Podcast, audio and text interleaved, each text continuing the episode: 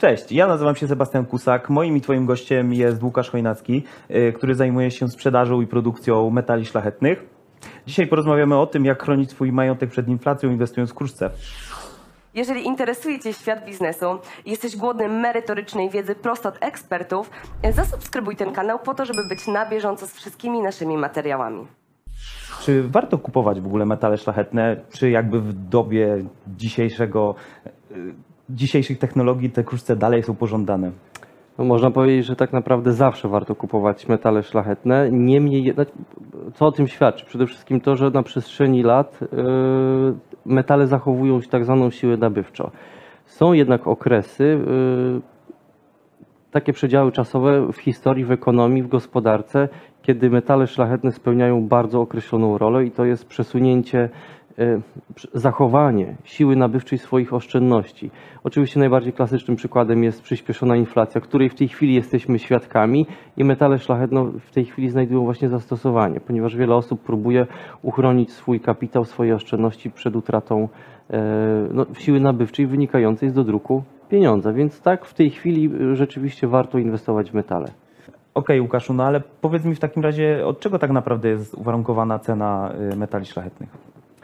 No, na kilka rzeczy trzeba zwrócić uwagę. Oczywiście najbardziej podstawową rzeczą jest tutaj giełda. Giełda metali szlachetnych. Y, tych giełd jest kilka, ale ta najbardziej renomowana jest zlokalizowana w Londynie. I w Londynie jest tak zwany no, podwójny fixing każdego dnia, czyli rano i po południu ustala się cenę złota. Są też oczywiście ceny tak zwanych kontraktów i tak naprawdę to giełdy wyznaczają cenę złota. Czyli po prostu wchodzimy sobie na przykład na internet i sprawdzamy y, cenę złota w dolarach, czy w złotówkach, czy w euro każdego dnia w danym momencie. To ustala giełda. Natomiast pytanie brzmi, co sprawia, że giełda ustala cenę złota na takim, a nie innym poziomie. No to tutaj tak naprawdę kłania nam się prawo popytu i podaży. E, popyt jest generowany przez ilość pieniądza, który wkracza na giełdę, a podaż to jest po prostu ilość dostępnego kruszcu.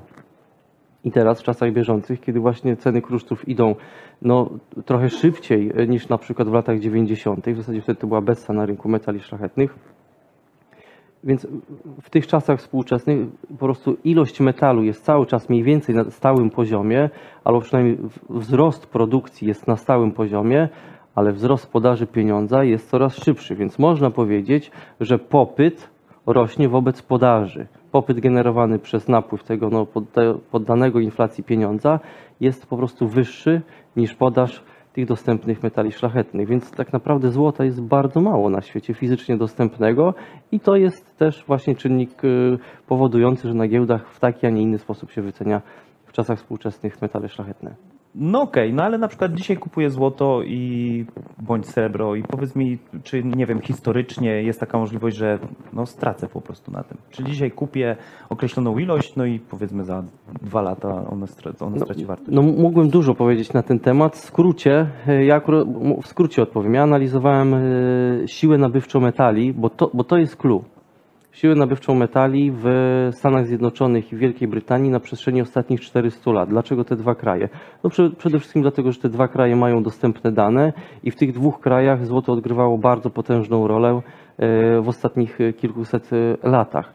Więc e, kiedy się analizuje siłę nabywczą złota, okazuje się, że na złocie można stracić do 20%, tak? Czyli jest tak, że to jest po prostu taka sinusoida, czyli zło, siła nabywcza złota rośnie, maleje, y, rośnie, maleje, rośnie, maleje.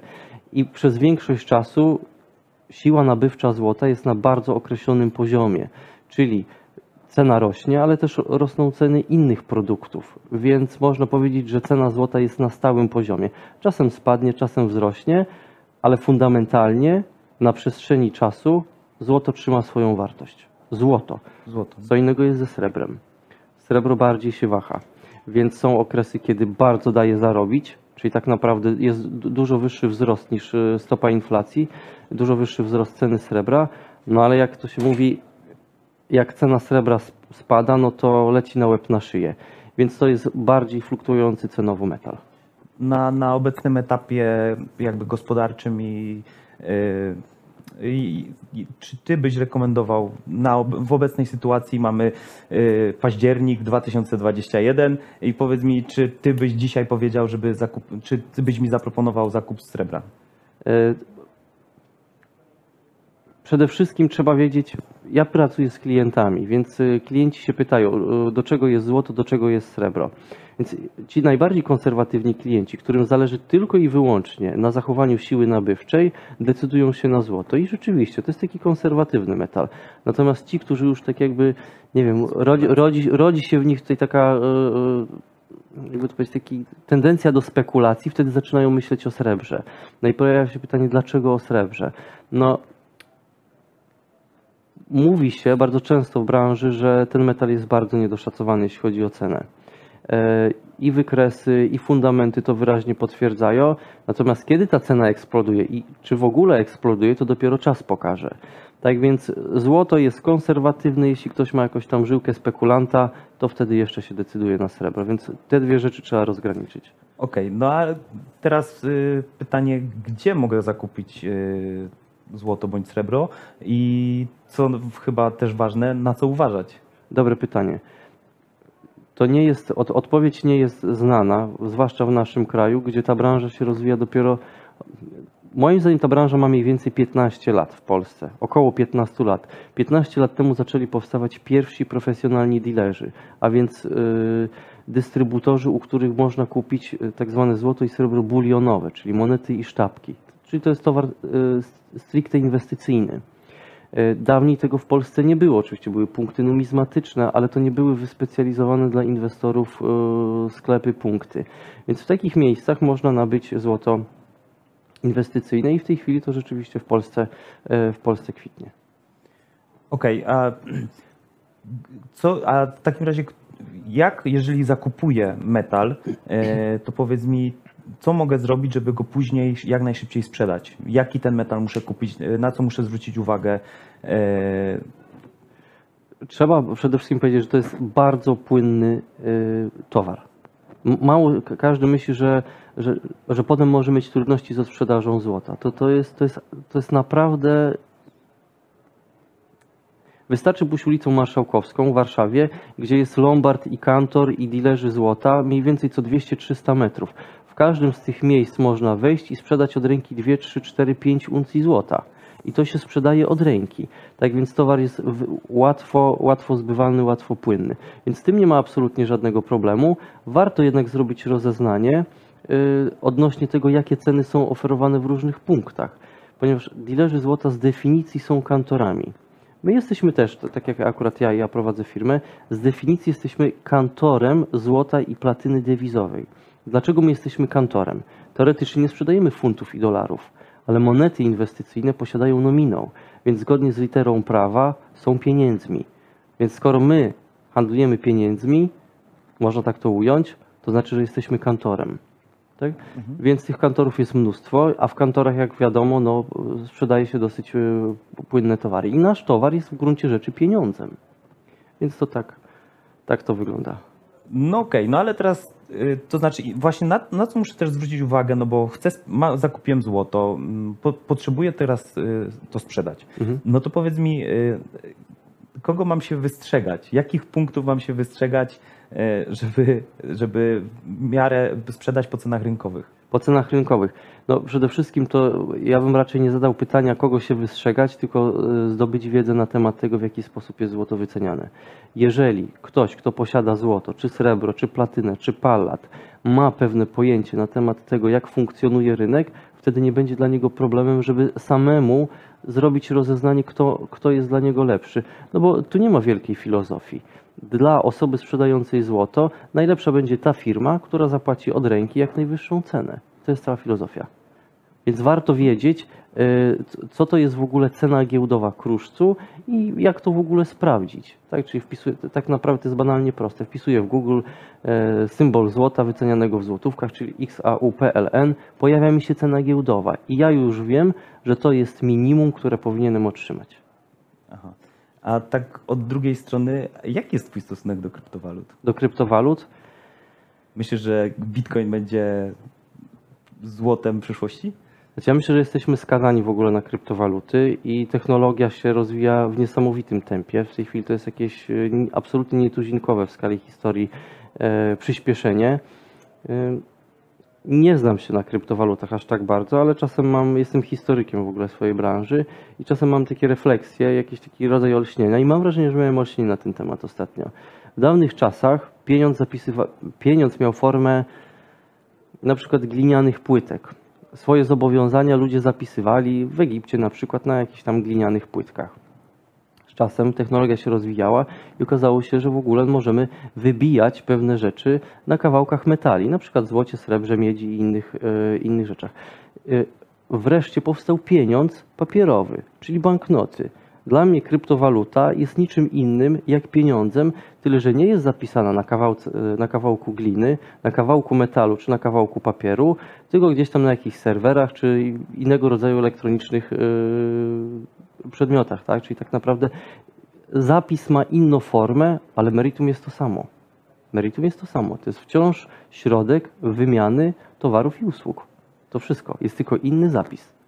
Czyli biorąc, rzecz, biorąc pod uwagę fakty historyczne, e, no to można się zgodzić z tym, że no jesteśmy skazani na kryptowaluty, tak jak powiedziałeś, i to jest po prostu ewolucja Tak. kolejnego pieniądza. Tak, myślę, że tak. Każdy pieniądz, który się rodził w historii, miał swoje udogodnienia. No bo wyobraźmy sobie, że ktoś kiedyś miał e, sakiewkę pełno pieniędzy. To było ciężkie, to nie było wygodne, a papierowy świstek, tak to trzeba ująć, był po prostu ergonomiczny, łatwy w transporcie. To było no, po prostu e, coś, co było łatwo, e, łatwe w transporcie przede wszystkim. Więc wyobraźmy sobie, że dzisiaj w ogóle E, Znaczy tak, najtrudniej jest przewieźć worek złota, konwój, specjalny samochód, ochroniarze, czy tam konwojenci i tak dalej. Papier, jakby to powiedzieć, e, zrobił, ta wartość była na jeszcze mniejszej objętości schowana, a kryptowaluta to jest klik. I tokeny, czy tam jednostki danej kryptowaluty są po prostu przesyłane na drugi koniec świata bez potrzeby ubezpieczania, konwojów, przechowywania i tak dalej. Więc to jest udogodnienie. Natomiast jak to się sprawdzi w praktyce, to dopiero pokaże czas. Ale jednak y, twierdzi, to, to znaczy jaki jest twój stosunek do tego, no czy to w ogóle zagraża y, metalom szlachetnym? Czy zagraża metalom szlachetnym? No, wszystko zależy na jakiej płaszczyźnie byśmy sprawę y, tutaj ro- rozpatrywali, bo gdyby się okazało, że coś ma wrócić do funkcji, ma być nowy ro- rodzaj pieniądza, a rewolucje monetarne w historii są regularne, no to jeżeli, nie wiem, kryptowaluty miałyby przejąć rolę pieniądza, no to złoto, zwłaszcza złoto, no spadnie popyt na złoto, ponieważ y, no, jeżeli ludzie nie będą zainteresowani złotem, będą zainteresowani kryptowalutami, to siłą rzeczy wartość złota będzie musiała spaść. Natomiast idą czasy, tak mi się wydaje, które będą tak bogate w turbulencje i niepewność, że ludzie jednak będą chcieli mieć coś, co mogą dotknąć, coś namacalnego, bo mimo wszystko wiele osób y, nie ufa kryptowalucie, dlatego że nie rozumie kryptowaluty, a złoto jest czymś, z czym tak naprawdę jesteśmy kolokwialnie rzecz ujmując obcykani. Mamy obrączki, mamy łańcuszki, y, mamy y, jakieś tam numizmaty, rzeczy otrzymane od swoich dziadków i babci, więc tu jesteśmy jeszcze w jakiś sposób z tym oswojeni. Kryptowaluta to jest nowość. No tak, jeszcze nie, każdy, nie jesteśmy w stanie chyba wyobraźnią jakby objąć wszystkich kryptowalut. No ale tak już jeszcze wracając do złota, jeżeli już kupię złoto bądź srebro, e, to powiedz mi, jak najlepiej przechowywać albo gdzie nie przechowywać? To jest fundamentalne pytanie, gdzie nie przechowywać. E, Ja akurat pozwoliłem sobie przestudiować raporty policyjne i jest szereg miejsc. Okazuje się, że jest szereg miejsc, które złodzieje e, sprawdzają jako e, pierwsze w mieszkaniach. I tak naprawdę każdy z nas przynajmniej raz w życiu schował w takim miejscu coś swojego cennego. Takimi, takimi miejscami są na przykład szuflady z bielizną. Albo, no niestety, pod prozaicznym materacem podobnież e, ludzie do tej pory potrafią chować rzeczy. Więc pewnych miejsc, takich podstawowych, trzeba unikać. Jak przechowywać? No cóż, w momencie, kiedy my zaczynamy mówić o tym, jak przechowywać, zdradzamy już pewne miejsca.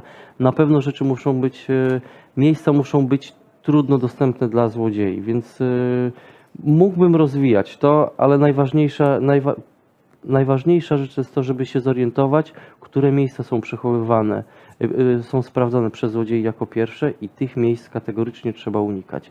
I w tym momencie można powiedzieć, że drastycznie zmniejszamy prawdopodobieństwo bycia okradzionym. O, rozumiem. A tak, tak, aha, czy mówisz szuflady, y, w skrócie, szuflady, bieliźniarki, y, pojemniki na mąkę, na makaron, wszystkie szuflady w, kuchni, pod stołem, y, w biurku, za obrazami. Niektórzy, nie wiem, potrafią plik, cienki plik banknotów po prostu podlepić y, tam z tyłu obrazu. Unikamy tych miejsc. Absolutnie ich unikamy. W szafkach ludzie często przechowują biżuterię i pieniądze. Unikamy tych miejsc. Okej, Łukaszu, bardzo Ci dziękuję za rozmowę. Y, A gdzie Ty byś przechowywał, przechowywała swoje złoto w swoim domu? Napisz w komentarzu i do zobaczenia. Jeśli chcesz przygotować swoją firmę na nowy ład i poznać najlepsze rozwiązania dla siebie, sprawdź pakiet nagrań z konferencji uczelni Asbiro, klikając w link w opisie tego filmu.